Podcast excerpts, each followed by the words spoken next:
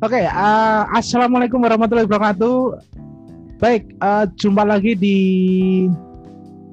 konten pembelajaran pengantar dokumenter yang sengaja ini saya buat untuk materi mata kuliah pengantar dokumenter. Nah, hari ini kita akan membicarakan tentang apa itu dokumenter ya.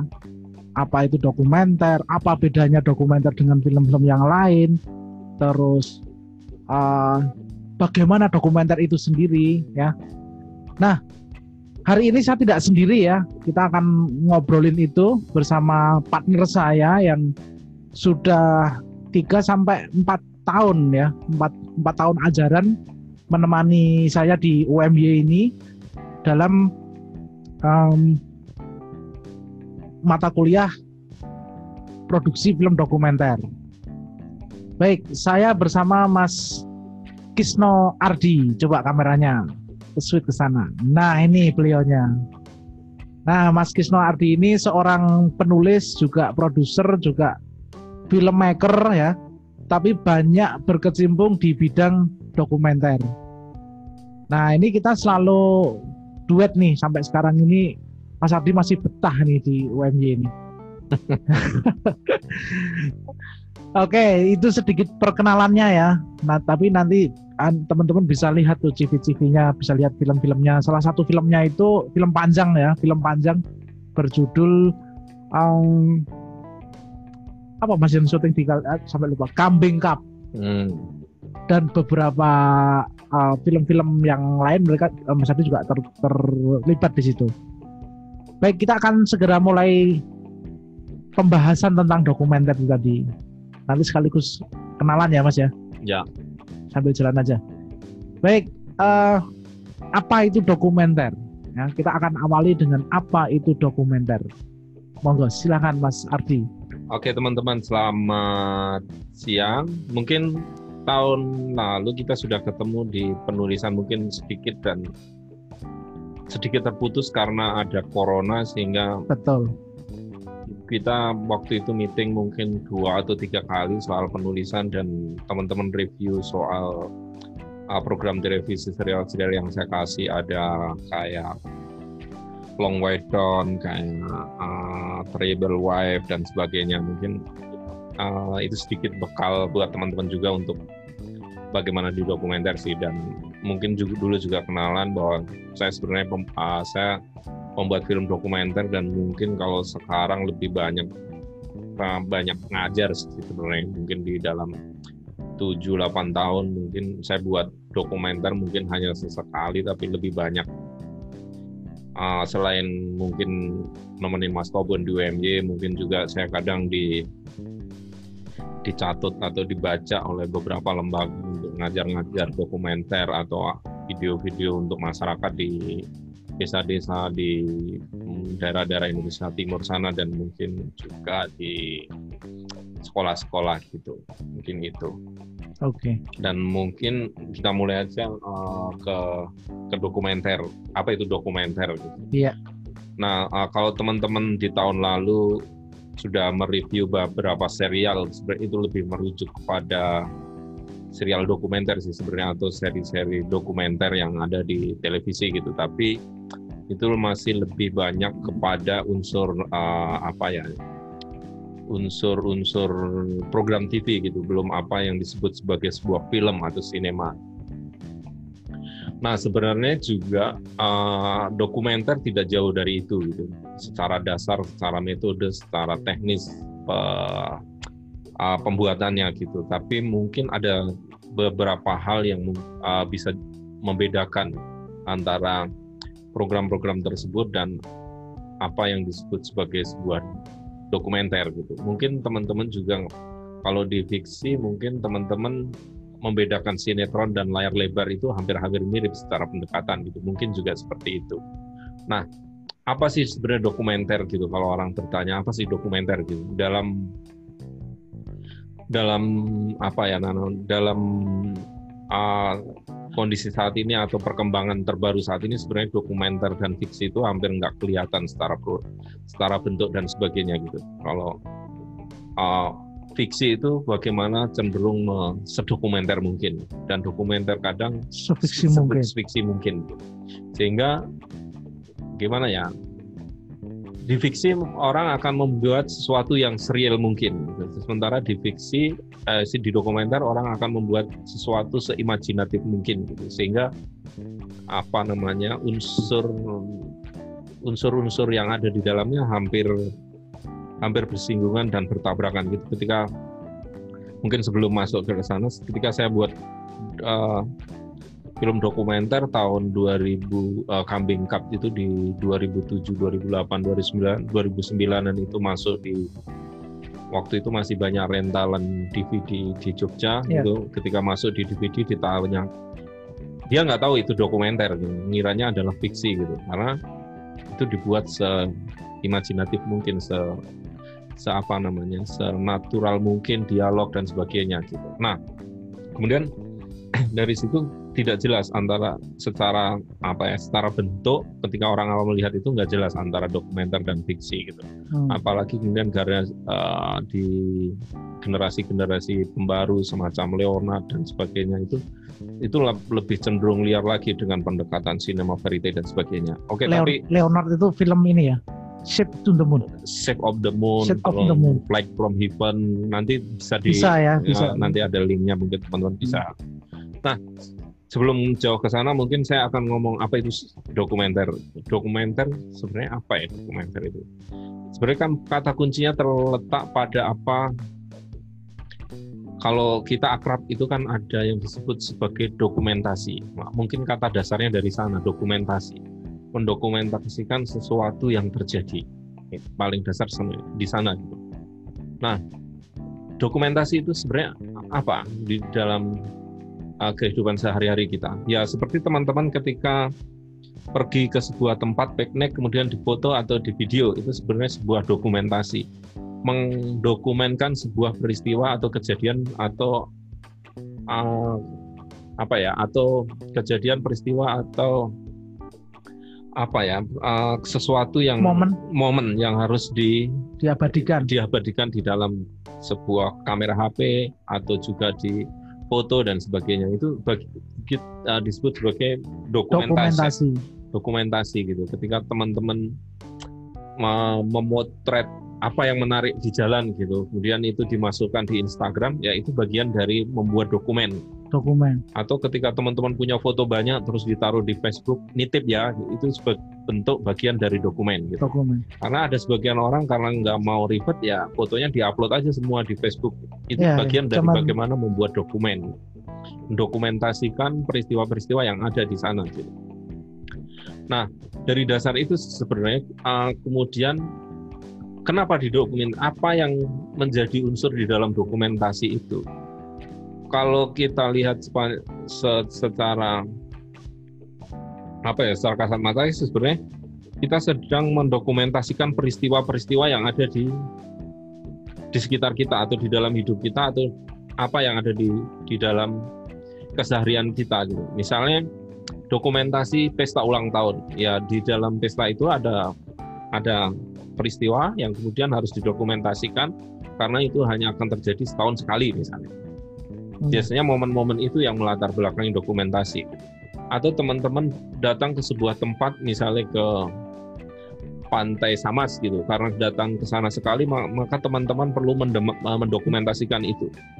Itu yang disebut sebagai dokumentasi. dokumentasi. Nah, di dalam dokumentasi itu ada yang menjadi hal pokok dan penting adalah sebuah fakta atau peristiwa bahwa peristiwa atau fakta itu ya bisa saja direkayasa, tapi kecenderungan yang ingin didokumentasikan adalah hal-hal yang bersifat faktual atau peristiwa yang terjadi di saat itu juga gitu. Misalnya ulang tahun, piknik atau jadian misalnya atau peristiwa nembak dengan bawa kembang dan senapan misalnya. Itu sebagai sebuah fakta atau peristiwa yang yang apa namanya? yang yang harus didokumentasikan karena itu penting, penting. dalam hidup teman-teman atau dalam hidup setiap orang itu penting.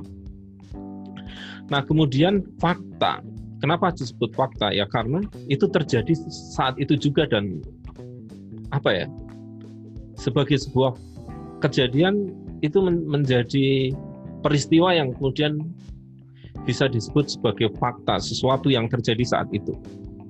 Nah, uh, kembali kepada fakta di dalam jurnalistik juga berlandaskan fakta. Nah, kemudian apa bedanya jurnalistik dengan dokumentasi misalnya? Ya. Kalau dokumentasi mungkin peristiwa untuk diri sendiri atau siapa pun yang ada di sana, tapi mungkin kita tidak ada istilahnya uh, menggiring kepada itu menjadi sebuah informasi penting apa tidak. Nah, di dalam jurnalistik misalnya atau di dalam news gitu, harus ada selain aktual harus ada yang disebut faktual gitu. Itu sesuai nggak dengan kondisi saat ini misalnya. Misalnya peristiwa ulang tahunmu, apakah itu faktual dengan peristiwa saat ini? Gitu. Itu, itu yang kemudian harus dicari. Bisa saja peristiwa ulang tahunmu yang didokumentasikan itu menjadi sebuah berita yang penting, yang faktual. Ketika itu mungkin teman-teman bisa menemukan korelasi atau hubungan antara misalnya dengan peristiwa saat ini gitu. corona gitu. misalnya ulang tahun teman-teman di pesta dilaksanakan tanpa ada social distancing protokol kesehatan dan sebagainya gitu.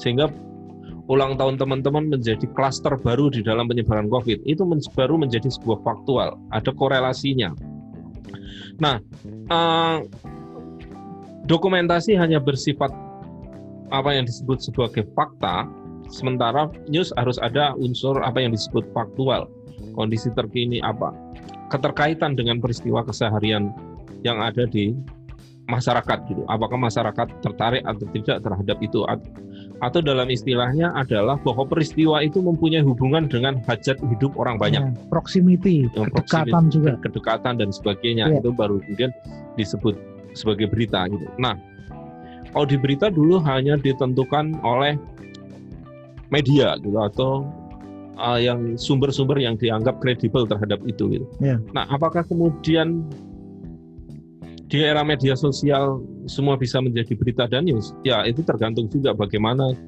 dia mengemas dan bagaimana mengemas, bagaimana kemasannya. Ya, bagaimana kemasan dan bagaimana dia mempunyai relasi dengan hajat hidup dan kedekatan terhadap peristiwa itu. Nah, uh, apa tadi? Uh, dokumentasi lebih cenderung kepada apa yang disebut sebagai fakta, fakta. atau peristiwa atau kejadian seketika waktu itu yang kemungkinan tidak akan terulang lagi atau bisa saja terulang kembali. Tapi kemudian ada momen itu harus di kalau kita istilah orang Indonesia itu diabadikan. Ya. Nah peristiwa itu harus diabadikan. Artinya diabadikan itu direkam kemudian disimpan. Karena peristiwa sendiri nggak abadi, dia hanya berlangsung sekali dan hilang. Ketika diabadikan berarti peristiwa itu bisa dilihat kapan pun, maka ya. butuh apa yang disebut dokumentasi. Seperti kita sekarang ini. Seperti kita sekarang direkam kemudian akan ditayangkan di YouTube. Ya. Di sekolah itu sebagai dokumentasi. Betul. Tapi itu belum bisa menjadi news. Belum bisa jadi news. Ya, karena ya apakah ini faktual dengan peristiwa yang lain gitu ketika kita tidak mengolah. Ya kemudian kalau kita bisa mengaitkan ini dengan peristiwa pandemi mungkin itu bisa bisa iya, menjadi yeah. news. Tapi kemudian apakah peristiwa ini menjadi peristiwa common isu atau isu apa? penting atau enggak? Ya itu itu yang harus dicari gitu. Dan yeah. biasanya kan news lebih cenderung mencari informasi-informasi yang besar, bombastis besar, ya, dan bombastis. mempengaruhi kehidupan yang lebih luas. Gitu. Nah itu tadi dokumentasi jurnalistik dan kemudian yang terakhir film dokumenter sendiri. Dokumenter. Jadi ada dokumentasi kita sudah bahas dokumentasi jurnalistik. Uh, dokumenter. Dokumenter. Apa nih? Berarti ada tiga hal pembeda nih. Nah, uh, ya tiga hal pembeda gitu. Mungkin uh, secara lebih lanjut tentang jurnalistik mungkin kita belum mungkin teman-teman sudah iya, mendapat yeah, yeah mata kuliah khusus jurnalistik, dan mungkin ya. apa yang saya sampaikan masih kurang ah. begitu jelas gitu tapi intinya bahwa uh, jurnalistik ada fakta ada faktual ya. kejadian seperti itu nah apa yang kemudian membedakan dokumenter gitu apakah sama dengan news atau sama dengan program TV gitu. nah itu yang harus kemudian apa ya yang yang menjadi spesifik di dokumenter karena kemudian kita menggunakan istilah film dokumenter. Film sendiri kan sebenarnya merujuk kepada pendekatan sinema gitu yang Sinema. uh, yang mungkin itu uh, lebih apa ya lebih mengutamakan apa yang disebut sebagai pendekatan sinematik gitu. Nah, di dokumenter selain dua hal tadi yang apa yang disebut fakta dan faktual, kemudian ada unsur yang disebut sebagai sebuah estetika ataupun drama gitu. Nah, bagaimana sebuah estetika ataupun drama itu harus muncul harus muncul di dalam membuat dokumenter. dokumenter. Kalau tadi misalnya peristiwa ulang tahun atau ya kita sebut aja peristiwa ulang tahunmu di dokumen saya menarik. Kemudian kalau menjadi news, kemudian bagaimana itu bisa dihubungkan dengan hajat hidup orang banyak saat ini gitu, sehingga itu menjadi berita penting. Atau jika tidak menjadi hajat hidup orang banyak, mungkin kamu sebagai orang yang melakukan ulang tahun adalah anaknya presiden, karena itu kemudian menjadi suatu yang menarik. Tapi kemudian bagaimana itu bisa menjadi dokumenter? Ya kita uh, di dalam dokumenter kemudian bagaimana memperlakukan apa yang disebut memperlakukan fakta secara kreatif atau fakta itu menjadi sesuatu yang menarik yang secara estetik itu bisa menjadi apa yang disebut sebuah film gitu. Maka kemudian harus ditemukan faktor-faktor apa saja yang mempengaruhi itu bisa menjadi menarik gitu. Bisa saja kemudian yang ulang tahun itu siapa kemudian. Kemudian kita lihat lebih jauh gitu. Kita uh, sehingga kita tahu apa yang terjadi di di sebalik peristiwa itu, kedalamannya seperti apa. Misalnya yang ulang tahun itu adalah seorang anak kecil yang ulang tahun gitu. Mungkin secara biasa, secara dokumentasi, secara berita biasa. Biasa. Tapi kemudian kita cari tahu siapa yang ulang tahun itu. Misalnya yang ulang tahun itu ternyata anak yatim piatu di sebuah panti asuhan yang hingga umurnya sekarang taruhlah 10 tahun atau 12 tahun belum pernah merayakan ulang tahun. Dan itu satu-satunya peristiwa perayaan ulang tahun yang pernah terjadi dalam hidupnya. Kemudian kita mencari tahu lebih jauh kenapa anak itu yatim piatu dan dia tinggal di mana. Ya, kemudian kita telusuri ter lebih jauh misalnya, kemudian anak itu lahir dari seorang tua yang dibunuh oleh sepasang peramp uh, dalam perampokan besar sehingga rumahnya uh, harta benda di dalamnya diambil kemudian Habis. rumahnya dibakar. Nah, ketika kita terus lebih jauh kemudian perampokannya itu terjadi kapan dan ada peristiwa apa di di dalam perampokan itu. Misalnya saja kita bisa menghubungkan misalnya perampokan itu ada hubungannya dengan peristiwa politik atau peristiwa uh, kerusuhan etnis atau kerusuhan agama waktu itu gitu. sehingga kemudian kita mem, apa ya dari peristiwa ulang tahun itu kemudian kita tidak hanya melihat pada ulang tahunnya ketika di dalam dokumenter tapi kemudian kita bisa masuk pada hal-hal yang lebih detail kecil dan kemudian itu mempunyai relasi yang besar di dalam apa namanya di dalam di dalam membangun cerita itu atau kemudian mendapatkan uh, kedalaman-kedalaman itu uh, apa lapisan-lapisan cerita yang ada di sana gitu. Dari hanya peristiwa ulang tahun biasa kemudian kita bisa mengungkap ternyata perampokan itu tidak hanya terjadi semata-mata mengambil uang, tapi kemudian ada kerusuhan antar etnis di waktu itu di kampungnya yang mengakibatkan anak itu kehilangan segala-galanya selain orang tuanya juga harta bendanya gitu. Dan mungkin juga komunitas yang ada di masyarakat itu misalnya kerusuhan etnisnya misalnya antara uh, kalau kita merujuk ke Kalimantan ada kerusuhan Dayak dan yeah, Madura. Madura misalnya atau kerusuhan Ambon antara Muslim Islam gitu. Nah sebenarnya kan kemudian apa dari peristiwa yang tadi yang ulang tahun kemudian kita dalam. Nah kemudian dari sana apakah cukup di sana gitu kedalaman itu gitu menjadi sebuah film? Tentu tidak gitu. Tentu teman-teman juga harus menawarkan perspektif atau sudut pandang terhadap peristiwa itu seperti apa dan bagaimana kemudian teman-teman memaknai atau melihat peristiwa itu menjadi apa menjadi sesuatu atau tawaran baru kepada uh, penonton tadi gitu. Nah, uh, membaca peristiwa itu atau kedalaman fakta-fakta tadi yang kita temukan ternyata anak itu adalah uh, merayakan ulang tahun pertama dari orang tua um, korban uh, ya rumahnya dirampok karena kerusuhan gitu. Nah, kemudian teman-teman harus juga um, di dalam dokumenter harus juga menemukan apa yang disebut sebagai sudut pandang atau keberpihakan. Nah, keberpihakan itu tidak sesuatu yang sama antara satu orang dengan orang lainnya. Itu akan tergantung kepada uh, pengalaman personal atau mungkin uh, latar belakang kehidupan teman-teman semuanya. Nah, gitu. Misalnya latar belakang saya soal kebudayaan gitu. Mungkin saya akan melihatnya lebih jauh bagaimana uh, peristiwa itu kemudian saya baca dengan pendekatan-pendekatan kebudayaan karena saya lebih dekat dengan kebudayaan, dengan antropologi dan sebagainya. Tapi bisa saja misalnya teman-teman lebih dekat pada isu urban gitu karena teman-teman tinggal di kota besar dan sebagainya. Dan bagaimana dilihat menggunakan pendekatan-pendekatan itu. Banyak macamnya tergantung kemudian kepada apa latar belakang teman-teman bagaimana membaca itu. Tapi kemudian jika teman-teman atau kita sebagai pembuat dokumenter misalnya, ternyata tidak ada tidak mempunyai referensi apa pun dalam dalam memori kita, dalam ingatan kita, dalam uh, kehidupan kita gitu. Ya satu-satunya cara kemudian bagaimana membaca itu kemudian kita cari referensi lebih jauh gitu. Kemudian misalnya peristiwa yang terjadi pada anak itu tahun sekian itu ada peristiwa apa? tentunya ada archive, arsip-arsip lewat koran, lewat berita, lewat jurnal, lewat penelitian, biasanya mendukung ke arah sana gitu. Ketika misalnya teman-teman tertarik pada pendekatan peace building gitu, ada isu baru misalnya peace building atau uh, pembangunan uh, inisiatif untuk perdamaian gitu.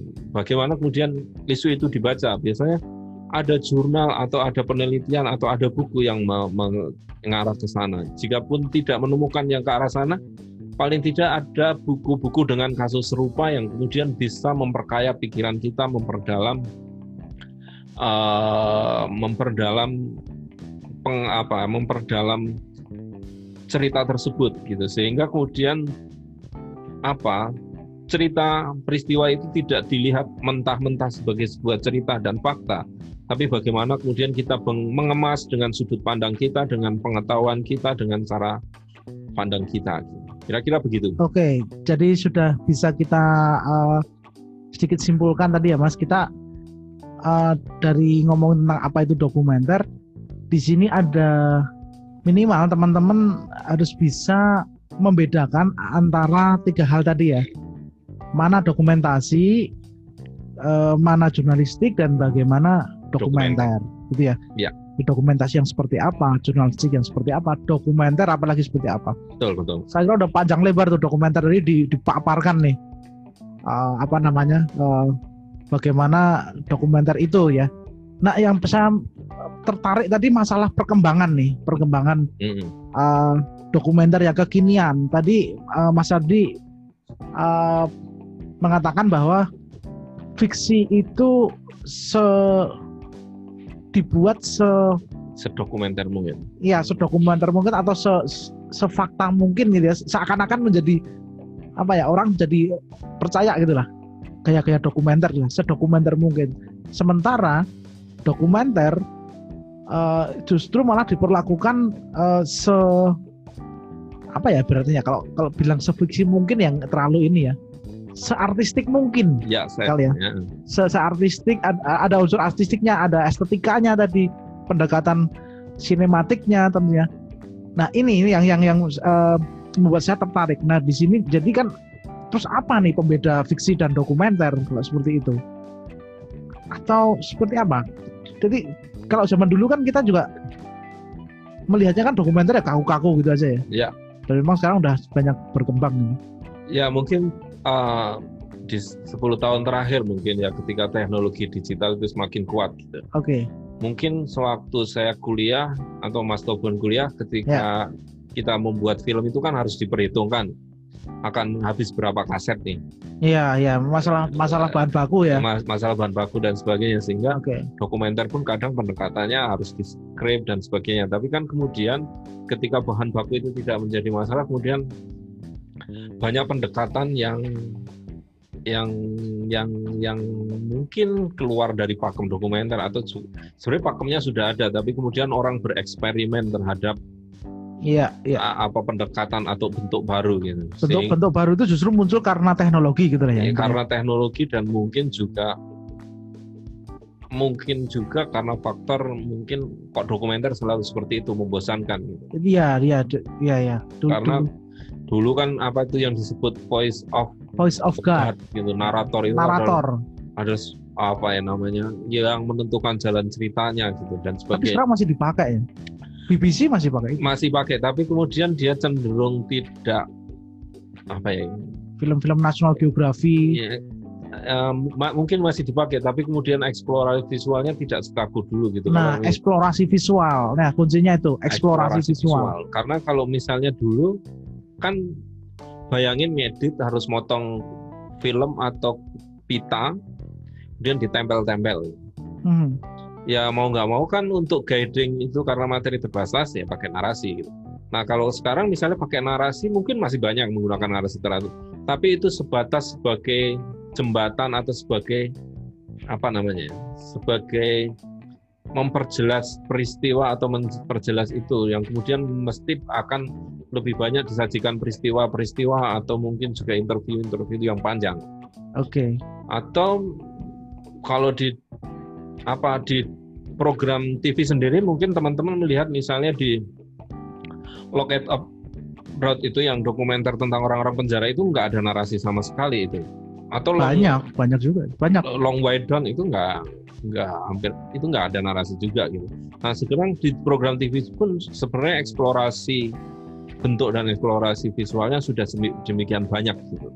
Sehingga kadang ya kita nggak bisa membedakan lagi misalnya di film sendiri antara dokumenter dan fiksi.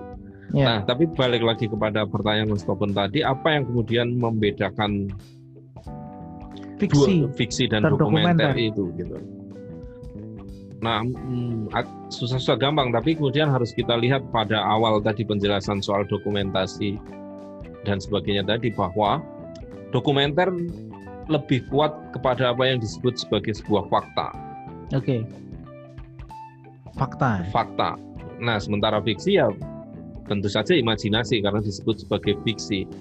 Fiksi bisa saja itu tidak terjadi gitu karena imajinasi pembuatnya. Hmm. Uh, mungkin hal dasar yang membedakan itu adalah bahwa dokumenter ber, meru- apa, berpegang teguh atau berpatokan kepada apa yang disebut sebagai sebuah uh, fakta atau peristi uh, fakta. Sementara fiksi ber, um, berpatokan kepada apa yang disebut sebagai fiksi atau iman uh, apa ya drama. Oke. Secara mendasar hanya itu yang membedakan bahwa dokumenter lebih memberatkan kepada apa yang disebut sebagai sebuah fakta, sementara fiksi lebih menekankan apa yang disebut sebagai sebuah drama gitu. Tapi faktor terpenting di dalam fiksi adalah estetika biasanya. Mereka akan mengedepankan bagaimana estetika itu dibangun, drama itu dibangun. Gitu. Walaupun kemudian juga ada beberapa film fiksi yang menggunakan pendekatan-pendekatan uh, atau berdasarkan apa pada sebuah fakta gitu. Hmm. Nah di dokumenter sebenarnya hampir mirip dengan fiksi gitu, tapi kemudian ya itu tadi yang membedakan hanyalah ada fiksi dan non fiksi itu dasarnya aja di situ gitu. Oh, fiksi dan non fiksi. Ya kan pengistilahnya kan kita lebih sering di situ kan antara fiksi dan non fiksi gitu, atau drama dan non Non drama drama. itu aja. Tapi kemudian secara keseluruhan bahwa soal estetika, soal apa namanya, soal cerita itu menjadi penting di dalam dua-duanya gitu. Tapi eh, apa namanya ya semuanya harus memenuhi aspek estetika dan apa namanya cerita gitu. Tanpa ada estetika dan cerita ya ke- eh, ya apa yang disebut sebagai sebuah film mungkin tidak akan tersampai karena kemudian ketika kita berpikir pada estetika kita juga harus memperhitungkan bagaimana kameranya, bagaimana suaranya, bagaimana ceritanya, bagaimana karakternya, bagaimana tokohnya dan sebagainya. Sehingga uh, apa ya? Apa yang kamu buat itu tetap menarik, tetap apa ya? Tetap kemudian membawa orang itu untuk selalu berada di sana menonton sampai akhir. Nah, yang bisa membuat itu adalah perlakuan-perlakuan kreatif itu tadi, hmm. bagaimana drama, ah, bagaimana drama dibangun, bagaimana uh, estetika dibuat gitu, sehingga apa yang kamu buat itu tidak monoton tapi menarik dan ya membawa orang untuk ikut-ikut-ikut sampai dalam gitu. Tapi pada prinsipnya mungkin secara apa ya, secara secara secara sederhana atau kalau kita lagi ngobrol dengan teman-teman itu yang membedakan antara fiksi dan dokumenter adalah kalau di dalam fiksi itu apa istilahnya? Sutradara adalah Tuhan. Fiksi. di dalam fiksi gitu. Sutradara itu adalah Tuhan di dalam fiksi itu. Karena dia akan menentukan alur cerita pemeran utamanya atau karakternya, dia akan menentukan lightingnya bagaimana, dia akan menentukan angle kameranya bagaimana, dia akan menentukan dramanya seperti apa. Gitu. Sutradara. Sutradara itu yang menentukan karena mengkonstruksi. Mengkonstruksi itu karena kan di fiksi harus ber, uh, apa itu? Dibangun, semuanya dibangun. Semuanya dibangun gitu by ya, script. Gitu. By script semua dibangun, karakternya, settingnya. By design kan. By design Sementara di dokumenter Oke. Okay. Tidak. Tidak. Karena kalau tadi bahwa sutradara di dokumenter itu adalah Tuhan, sementara di dokumenter tidak seperti itu. Di fiksi, sutradara di fiksi. Ya, di, di, Tuhan. Di dokumenter tidak. Uh, sutradara menjadi Tuhan kan kalau di fiksi. fiksi. Nah, kalau di dokumenter sutradaranya itu adalah Tuhan. Oh, di eh, sutradara di dokumenter adalah Tuhan. Nah. Karena dia yang punya sin. Ya, karena dia yang dia yang punya peristiwa. Dia peristiwa karena kan mana bisa kita sebagai sutradara dokumenter menentukan peristiwa itu harus terjadi. Ya, gunung meletus ini. Gunung meletus gitu. Apa kita akan seperti fiksi men-setting gunung meletus gitu? Lah kalau Tuhan sendiri sutradaranya, kita siapa sebagai sutradara? Nah itu pertanyaan sulit itu. Tapi di dalam dokumen uh, di dalam dokumenter sebenarnya apa ya kita menyebut sutradara itu kadang saya apa ya ya kita sutradara tapi di, di dalam tata baku mungkin kita disebut sebagai sutradara tapi mungkin kita lebih sebagai apa ya?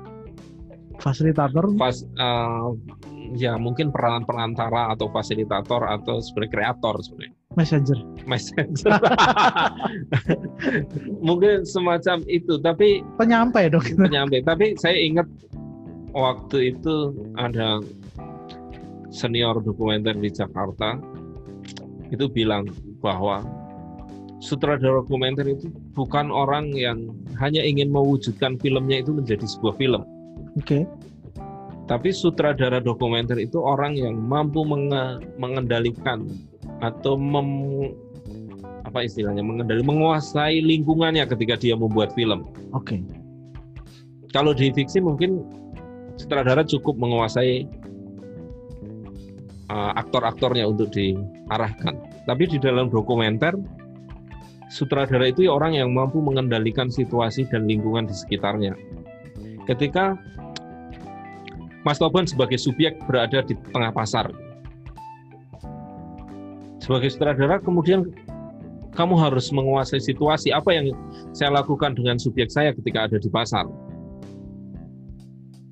Oke. Okay di sana ada preman, di sana ada kepala pasar, ada sebagainya, ada orang-orang di sana. Dan tentunya kalau kamu bawa kamera di pasar mesti akan dilihat atau mungkin akan ditanyai mana izinmu dan sebagainya. Karena kita benar-benar di di fakta itu, di fakta kejadian ya, itu ya. Kejadian itu gitu. Di sini nah, itu. Di sini itu. Kemudian kamu harus berpikir bahwa bagaimana peristiwa yang hanya terjadi misalnya Mas Tobon itu adalah apa yang orang nggak pernah ke pasar itu misalnya perampok gitu yang tiba-tiba ada di tengah pasar gitu. sementara itu subjekmu mau nggak mau kan harus di, diambil gambarnya itu perampok ada di tengah pasar mau ngapain ini Nah, tapi kamu belum melakukan apa-apa, kamu belum menguasai tukang parkirnya, pedagang-pedagangnya, atau izin dan sebagainya. Nah, apa yang harus kamu lakukan saat itu juga ketika subjekmu seorang perampok ada di tengah pasar? Nah, itu yang disebut sebagai sutradara bagaimana kemudian istilahnya apa ya? menguasai atau me mengendalikan situasi yang ada di sekitarnya. Oke. Okay. Mungkin pengalaman saya ketika saya pernah syuting di mana ada banyak hal pengalaman menarik misalnya waktu waktu saya syuting sebuah dokumenter di Sumatera Utara misalnya saya susah semua mendekati lewat jalur-jalur apa formal gitu maka apa yang aku saya lakukan agar kemudian akses saya untuk masuk di komunitas-komunitas yang disebut sebagai begundal atau orang-orang jalanan itu maka saya dekati ormasnya di sana. Ormas apa yang paling berkuasa di sana, saya dekatin dia. Pendekatannya gimana? Apakah datang bawa duitnya? Ya pendekatan-pendekatan tradisional di apa ya di orang-orang jalanan itu seperti apa gitu. Misalnya ya waktu itu saya ajak ketemuan di warung Lapo. Warung Lapo itu semacam warung minuman keras tradisional di di sekitar Sumatera Utara itu. Nah, kita ketemuan di sana saya belikan dua teko, saya tuangkan, terus saya kasih rokok. Ketika dia ngambil rokok saya dan mau minum itu, itu sudah selesai sebenarnya urusan. Mau apa pun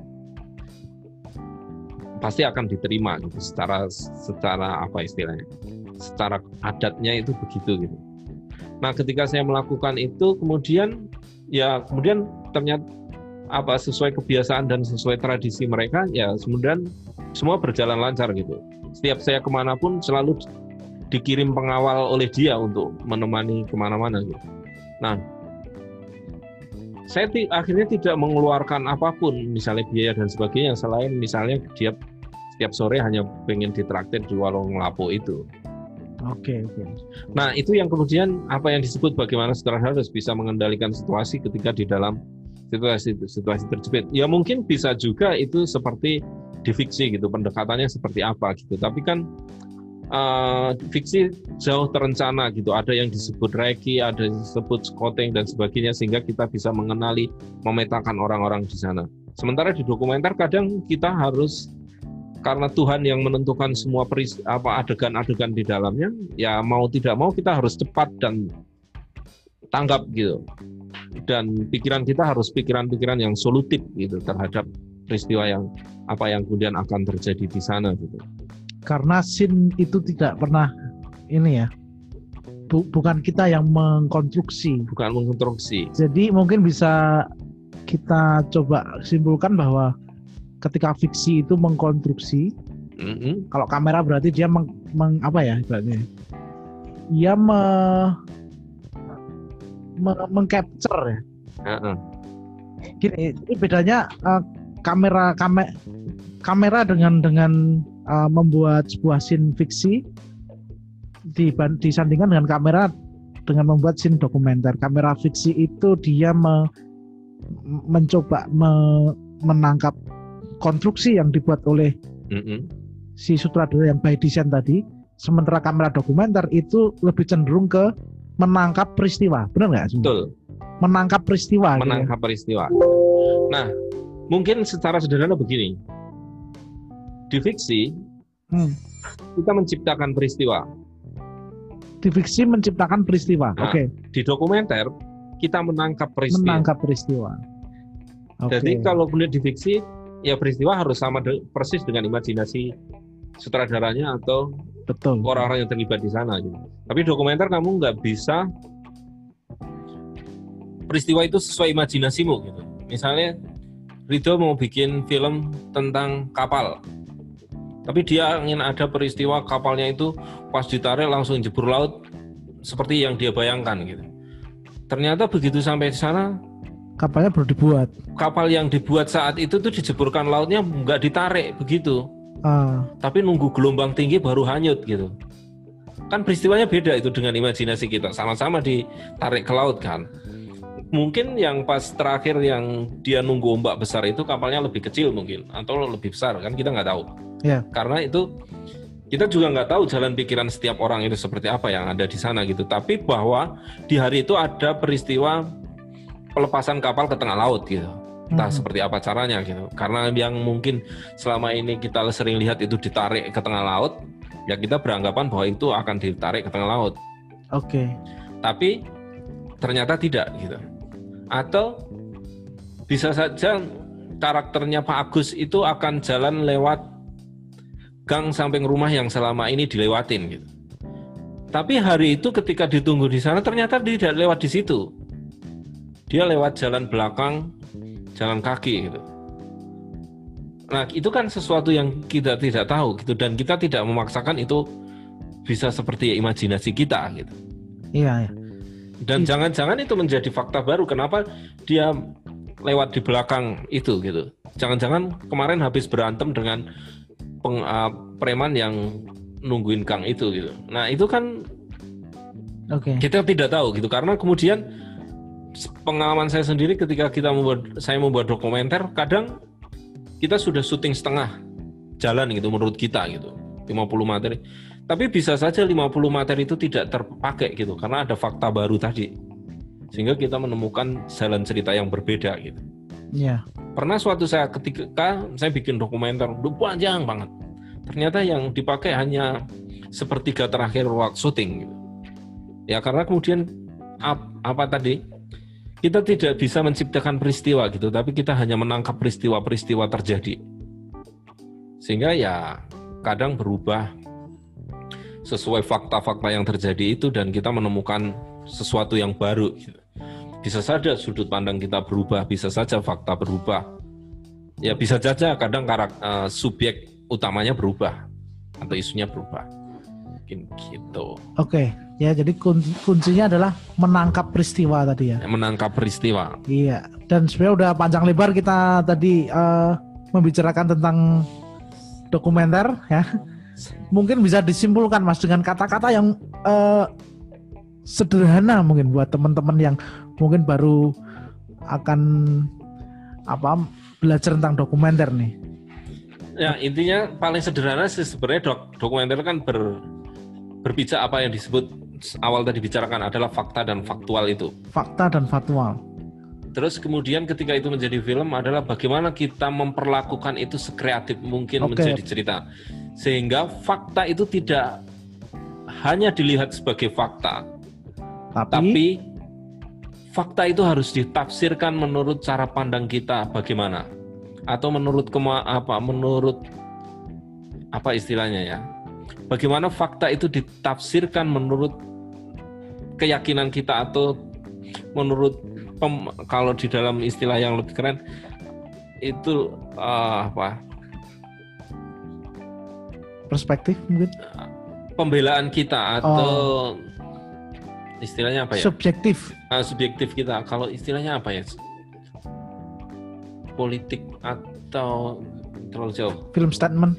Uh, uh, ya semacam film statement. Tapi kemudian bagaimana fakta itu dilihat sebagai sebuah keyakinan atau apa ya? Uh, sebentar saya belum menemukan kata yang tepat tapi intinya bahwa kita Pernah. harus kita harus punya keberpihakan terhadap keberpihakan fakta, terhadap fakta yang kita temukan itu. Gitu. Oke, dokumenter sih pun anu ya selalu ah, dibumbui ke, keberpihak keberpihakan itu pasti ya. Pasti gitu karena nah keberpihakan itu tidak harus melulu menurut pandangan orang banyak gitu. Bisa saja keberpihakan itu personal hanya personalmu gitu. Ketika kamu melihat sesuatu yang salah tapi bagi orang lain tidak salah, ya justru itu kamu harus mem, yeah. memper, apa, mempertahankan keyakinan kebenaran itu gitu. Yeah. Sehingga kamu membutuhkan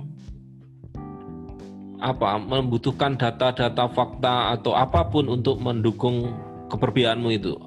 Kalau istilahnya adalah bagaimana membangun argumen sehingga orang yakin terhadap apa yang kamu yakini Yakin. benar gitu membangun argumen. Uh, uh, mungkin apa ya kebenaran itu kan selalu tidak tunggal gitu.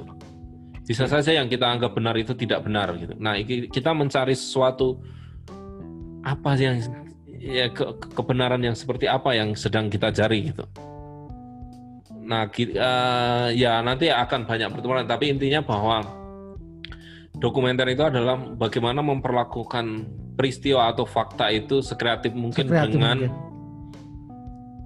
cara pandangmu gitu Oke, atau keyakinanmu gitu. perlakuan kreatif sebuah peristiwa. Ah, perlakuan pasti terhadap sebuah peristiwa atau fakta. Iya. Jadi ada kata-kata kreatifnya itu ya. Jadi Ah, perlakuan kreatif karena kreatif itu kan akan merujuk pada estetika nanti Iya. perlakuan kamera, suara. drama dan sinematiknya, semuanya. drama dan sebagainya. Tetap butuh drama ya di sini. Ya, bagaimanapun film membutuhkan drama. Drama karena kata film tadi ya. Kata kata film Harus ada dramanya. harus ada dramanya, harus ada Oke. unsur itu. Baik, makasih Mas Ardi eh, atas penjelasannya di konten kita kali ini sudah panjang lebar.